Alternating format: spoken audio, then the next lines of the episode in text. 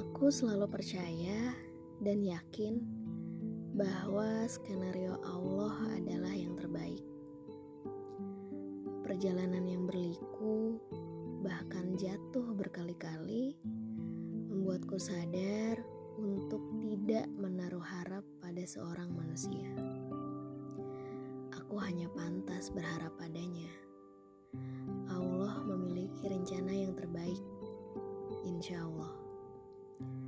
Sesuatu yang baik pasti akan datang pada waktu yang tepat, sesuai ketetapannya.